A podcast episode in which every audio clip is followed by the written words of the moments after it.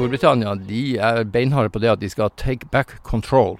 Så de skal bestemme agurkens krumning selv. I vår fikk norske myndigheter landet en handelsavtale med Storbritannia. Og i denne podkasten forteller NUPI-forsker Arne Melkjord hva det betyr for Norge at britene vil ha selvråderett både over fisken og agurken. Dette er TechFisk, podkast om teknologi og forskning i sjømatnæringa. Og den som intervjuer Melkjord, er meg, Kjersti Kvile. 4.6 ble Norge og Storbritannia enige om en handelsavtale. Og du, Arne Melkjord, du er ekspert på akkurat handelsavtaler. Så kan du ikke kort dra oss gjennom hva er det Norge har eh, gitt og fått i, i denne avtalen? Ja, det, det, er jo slik at Storbritannia er et av våre største eksportmarkeder, også for sjømat, hvor, hvor eksporten har vært rundt 6 milliarder. og og det er et voksende marked f.eks. For, for havbruk, men også for andre arter. Da. Og brexit skapte jo usikkerhet omkring handel, da, fordi at vi, eh, vi visste ikke hvordan løsningen ville bli på sikt. Og fikk, Norge fikk i stand midlertidig avtale hvor vi så å si frøs eh, vilkårene vi hadde i EØS i overgangsfasen. Men fra årsskiftet så var jo dette slutt. Eh, da forlenget man overgangsavtalen en gang til og forhandlet videre da. Men så punkt én er jo at det var veldig viktig at man fikk en avtale som sikrer handel. Uh, og det vi fikk for det første, det var jo at vi, uh, vi fikk uh, litt forbedringer fra EØS når det gjelder toll. Så, så man videreførte tollen som Norge hadde i EØS.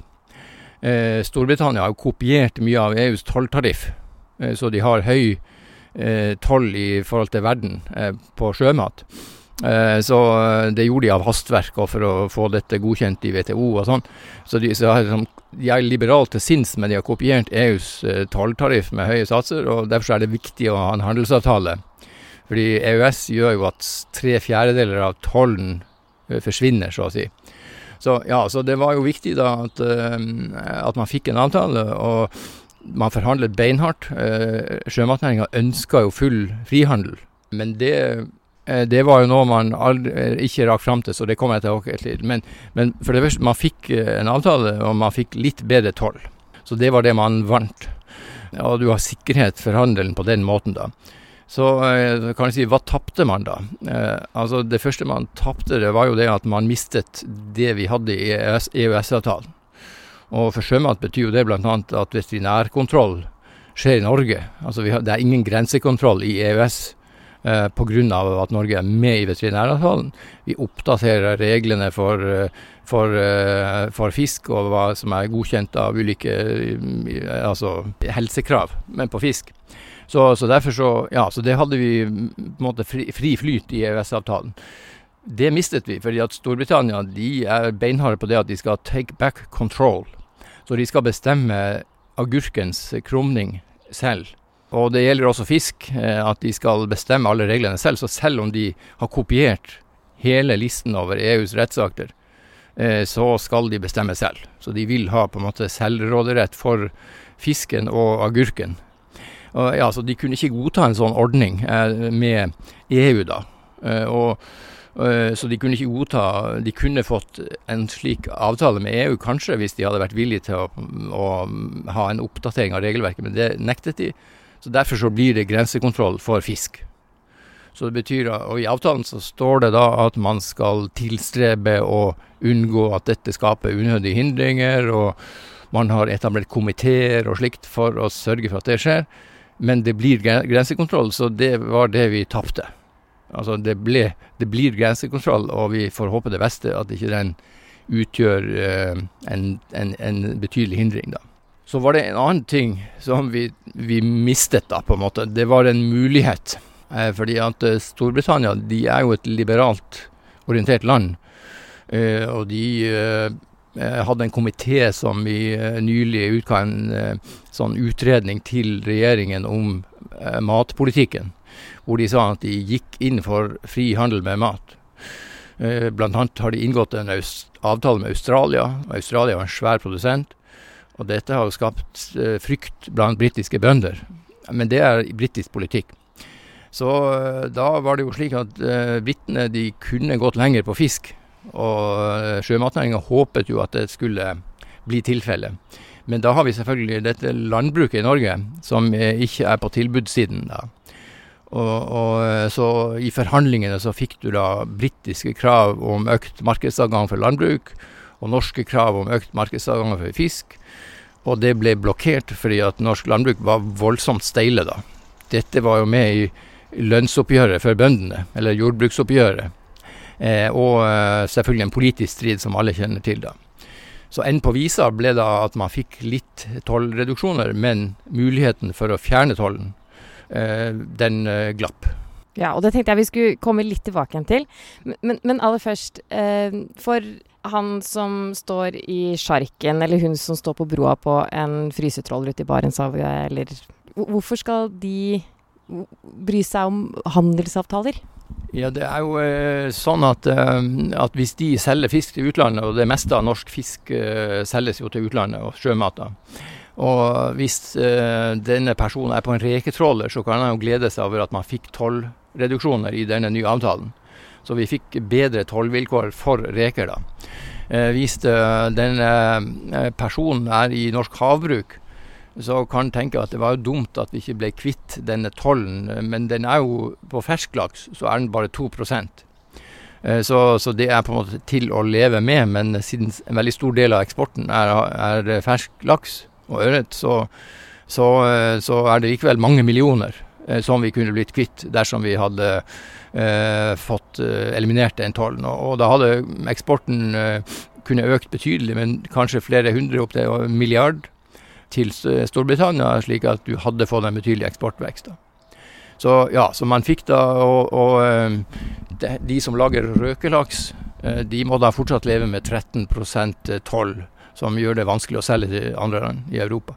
Men i det bildet, altså summa summarum, er det en god eller en dårlig avtale? Altså Det er en god avtale i den forstand at den sikrer handel. Og eh, det er en, en dårligere avtale i den forstand at du får veterinærkontroll, eh, som utgjør en ny, på en måte, eh, et usikkerhetsmoment. For dette fjernet man jo i 1999, da denne avtalen på veterinærområdet ble innført. Du har jo også sagt at Norge har, har gått glipp av eh, halvannen milliard kroner. Ja, ja eh, totalt sett, ja. ja. Så, Forklar litt sånn regnestykket. Ja, regnestykket der, det, det er slik at, at, at, en stor del av eksporten er havbruk. da, og Den har i snitt lav toll, rundt 2 eh, Så har du på andre enden av skalaen så har du bearbeidet fisk og skalldyr som har ganske høy toll. Og, eh, og, for de to gruppene så kunne jo eh, fjerning av toll betydd eh, en betydelig økning i eksporten. Jeg laget en, en beregning basert på et nylig forskningsarbeid, internasjonalt forskningsarbeid som, som tallfestet disse priselastisitetene. Altså hvor mye endres handelen når tollen går ned med 1% Og den tydet på at du totalt sett kunne få en eksportvekst på 1,5 milliard for sjømateksporten. Og da ville en god del komme på havbruk, men også en del på og den relative økninga ville vært sterkest for disse bearbeida produktene og for skalldyr. Mens f.eks. Eh, altså mel og olje, altså industrielle sjømatprodukter, der er jo tollen lav, og den er lite berørt av handelsavtalen. Så der går det sin gang uansett eh, avtale eller ikke avtale. Men i den virkelige verden, man sitter og forhandler, man må gi, man må ta. Altså hvor teoretisk er det regnestykket? Altså, Regnestykket er ikke teoretisk i den forstand at uh, altså, Det sier jo bare at hvis tollen blir redusert så mye, så vil handelen endre sånn. Og Da er det på en måte et forskningsspørsmål da, hvor sterk denne prisfølsomheten i markedet er. Og Da finnes det ulike anslag, men, men i, du kan si at generelt så er det sånn at sjømat er en ganske prisfølsom vare. Eh, så, eh, så, det er slik at 1% reduksjon i tollen det betyr ikke 1% økning i handelen, men 5 eller 10. Men om det er 5 eller 10, det er på en måte et forskningsspørsmål. Og, og der er det folk som har jobbet med det basert på faktiske data for eh, tall. Og dette anslaget det, det er slik at du har Altså det er brukt faktiske data for handel og toll for hele verden. Så har man da beregnet disse priseffektene for hver varegruppe på veldig detaljert nivå. Da. Så det er det som jeg har brukt i de beregningene. Men de er litt høye, da. Eh, men, eh, men, men, men sjømat er prisfølsom, og, derfor så betyr toll eh, relativt mye. Og så, og så, nevnte du bearbeiding. Og det er viktig for mange å bearbeide i Norge, og at det skal bli mer bearbeiding i Norge. Ja. Hvordan ser det bildet ut sett fra der du forsker? Ja, det er jo eh, Altså, det er på en måte litt uh, dårlig belyst uh, hva som egentlig er potensialet for, for, bearbeiding i Norge. Hvis vi ser på f.eks. røkelaks, så er det klart at det var på en måte bittert at Danmark tok markedet. og det er klart nok at, at Danmark kunne importere laksen, bearbeide den, mens vi måtte betale 13% toll. Det er klart at det tok en del av markedet fra Norge. Men så kan man se hva skjedde i 2004. Eh, da ble EU utvidet med ti land østover. Og da tok Polen markedet fra Danmark. Eh, så, eh, så da er spørsmålet kan Norge ta det markedet tilbake fra Polen. Det har jeg ikke så stor tro på. Derimot så er det klart at vi kan, vi kan eksportere mer. Det er klart at Hadde tollen gått ned til null fra 13, så ville vi eksportere mer røkelaks. Men, men det er spørsmål om arbeidskostnader. Eh, bildet er nå endra de siste fem-ti åra pga. migrasjon. Så halvparten av arbeidsstokken i norsk foredling er eh, immigranter. Ja, så, så, dette er på en måte sammensatt. Men, eh, men, tradisjonelt så er det jo sånn at høye lønnskostnader har begrensa norsk foredlingsmulighet.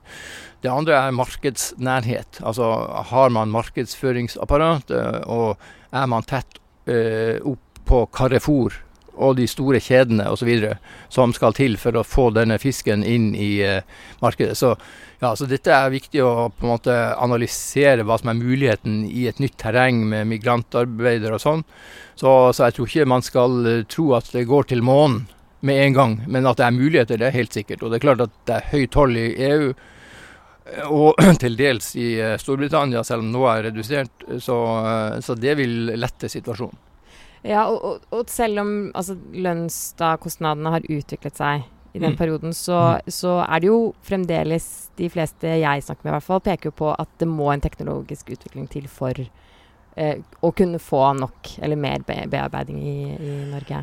Ja, Det er klart at teknologien er helt avgjørende. Og, og Norge er jo relativt store på sånn at uh, filetering, altså sånne ting som er på en måte mekaniserbare i større grad. Så, så, det skal jeg jobbe litt mer med i et prosjekt neste år, da, for å på en måte gjøre meg litt mer fortrolig med, med på en måte segmenter i, i markedet. Da, hvordan de påvirkes av toll og tollkvoter og markeds... Altså, altså, hva på en måte er mulighetene til å utnytte et bedre, bedre markedsadgang.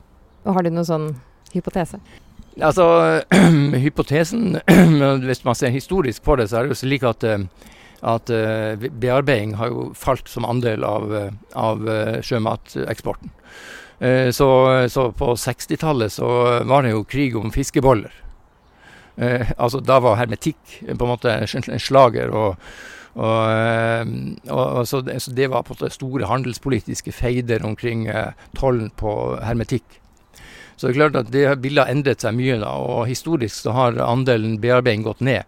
Og jeg tenker det at det er jo ikke noe religion eh, at man skal bearbeide, det er jo spørsmål om hva som er lønnsomt for Norge, og hva man kan få til gitt teknologi og markedsmuligheter. Og jeg tenker det at eh, at det er viktig å uh, tenke at uh, altså det, er altså det, er på en måte sto, en stor sånn bioøkonomisk mulighet i, i forhold til sjømat. Altså man, du tenker ikke bare å tenke konsumprodukter, men du kan tenke organisk uh, kjemikalier til bruk i farmasøytisk industri og andre anvendelser. Så det er på en måte mange muligheter for bearbeidinger som som, som, ikke er å pakke fileten i cellofan til Carrefour. Ja, så, så, det er jo på en måte å se på hele teknologispekteret er ganske viktig for å, for å, tenke hva som er bra muligheter for bearbeiding i Norge. Sånn helt overordnet, hvorfor har vi handelsavtaler? Altså, Man startet jo handelsavtalene for, å, for, å, for to formål. Det ene var altså å få ned tollen, eller få avtaler om toll. da, for to, Alle land hadde mye toll og sånn, og tollen var mye høyere for 50 år siden og slikt. Og så pluss å skape disiplin i handelen, slik at, at ikke land kunne innføre vilkårlige straffetiltak og slikt. da. F.eks. så har jo sjømatnæringa vært utsatt for antidumpingtrusler og tiltak fra EU i en tiårsperiode fra 90-tallet inn på 2000-tallet. Laksesaken har sikkert mange hørt om. Ta, dra kort gjennom den. Ja, Det var jo slik at, at, at, EU anklaget Norge i henhold til reglene i WTO om såkalt antidumping, om at prisene var for lave for eksporten. Og da kan man, hvis man beviser det i henhold til reglene, så kan man innføre straffetoll.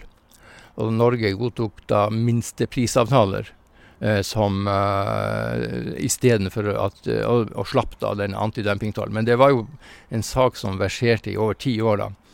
Så, så, det er viktig med handelsavtalen at de skaper en viss disiplin. da, At man ikke blir utsatt for vilkårlige si, overgrep. Og, og de siste 20 åra så har jo dette med veterinærkontroll på en måte vært et felt som, hvor du innimellom blir utsatt for vilkårlige tiltak og proteksjonistiske tiltak fra land over hele verden. da.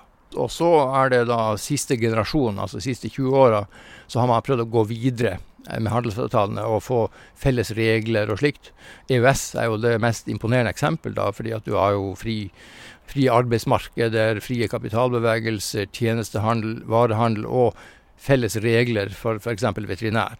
Slik at du har oppdaterer lovverket med, med hundrevis av rettssaker hvert år uh, hele tida. Så altså, det er jo en veldig dyp handelsavtale, og så jobber man med å på en måte gjøre andre avtaler dypere. Og, og da er jo denne avtalen med Storbritannia et interessant eksempel, for den, uh, den viser på en måte hva er grensene uh, når du ikke kan inngå felles regler.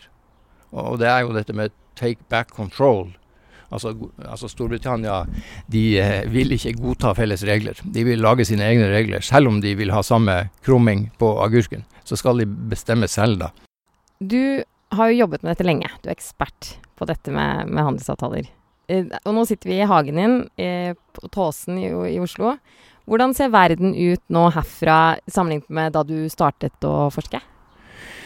Ja, det er jo sånn at, eh, at, 2016 eh, var på en måte slutten på altså, Eller kanskje på en måte et vendepunkt i forhold til den liberale verdensorden. For det var jo mange tiår da hvor alt gikk Pilene pekte én vei, du fikk integrert Du hadde vekst i Kina og India, de ble mer integrert. Mange land i verdensøkonomien. Du hadde liberalisering, og WTO kom i 1995, og, og man inngikk hundrevis av handelsavtaler på verdensbasis. Så kom eh, brexit, og så kom Trump, eh, som var på en måte et slag i ansiktet selvfølgelig på denne liberaliteten. da, og, og Trump innførte handelskrig mot Kina, uh, vilkårlige handelstiltak på kanten av WTO-regelverket. Brexit er jo også måtte gi opp en del av gevinstene i europeisk integrasjon. Altså Du har fått sømløshet i Europa. så når en trailer med fisk eh, passerer gjennom Europa, så er det sømløst. Fordi at, eh, at førerkortene og bilreglene og bestemmelsen om fisken og alt det er på en måte felles, og, og, og, derfor så er det sømløst. Så, så, brexit bryter jo med det og sier at vi vil ikke være med på dette. Og, og de vil ikke være med på felles godkjenning av medisiner. og Medisinbyrået flytta fra London til Amsterdam, og de vil bestemme selv på, på medisin. Og de kan for så vidt gjøre det mer enn Norge, siden det er et større land.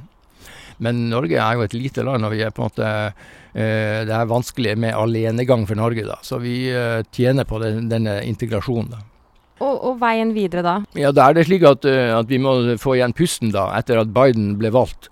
Og Bildet de siste par åra har jo vært imot en mer polarisert verden, da, hvor, uh, hvor du kan gjøre uh, ting på kanten av handelsregelverket. Uh, veksten i antall handelsavtaler har krympet. Så, så, det er jo et, en del av bildet, så du må på en måte få fjernet litt av grumset etter Trump. Og, så, og amerikanerne jobber jo med saken. Det vil jo være viktig for det globale klimaet i handelspolitikken, da. I tillegg så er jo ting som klima og menneskerettigheter eh, temaer som kommer sterkere opp, og som gjør at handelspolitikken blir på en måte uh, mindre teknisk og økonomisk. At eh, avtalene blir berørt av disse andre tingene. Klima f.eks. Uh, hvis EU innfører karbontoll, uh, må Norge være med på det. Blir vi dermed involvert i handelskonflikter med USA og Kina for stål og eh, aluminium og andre eh, innsatsvarer i industrien. Da. Så, ja, så, det er jo, så, så handelspolitikken er blitt mer mangefasettert. Og, og de økonomiske tingene er kobla til andre problemstillinger. Så, så, det er en brytningstid. Eh, så vi får håpe det faller bra på plass. Og f.eks. så forhandlet EU og USA om TTIP, handelsavtalen over Atlanteren, i 2016. De er jo lagt langt ned i fryseboksen. Så, men de vil kanskje ta det opp igjen. Så, men først må de på en måte tenke seg litt om og fjerne en del av Trumps straffetiltak. og de fjernet f.eks. Eh, straffetiltakene for fly i forrige uke. Ja, så, må, så, USA er litt i tenkeboksen, men denne kan bli tatt opp. Og så er det viktige spørsmål da, skal Norge Hva med handelsavtalen med Kina osv.? Skal EU godkjenne avtalen med Kina de, om investeringen? Den ble jo eh, blokkert av parlamentet. Er det noen sjanse for det? Så, ja, så det er på en måte en brytningstid, så vi får se hvordan dette ender. da. Det må vi gjøre. Helt kort, hva er liksom beste scenario for uh, sjømaten, og det verste?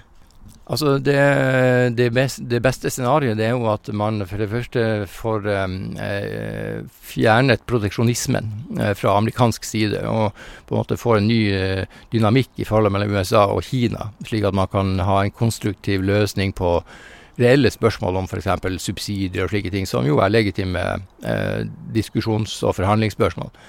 Ja, slik at man på en måte får, ikke får en polarisert verden med handelskriger eh, på kryss og tvers.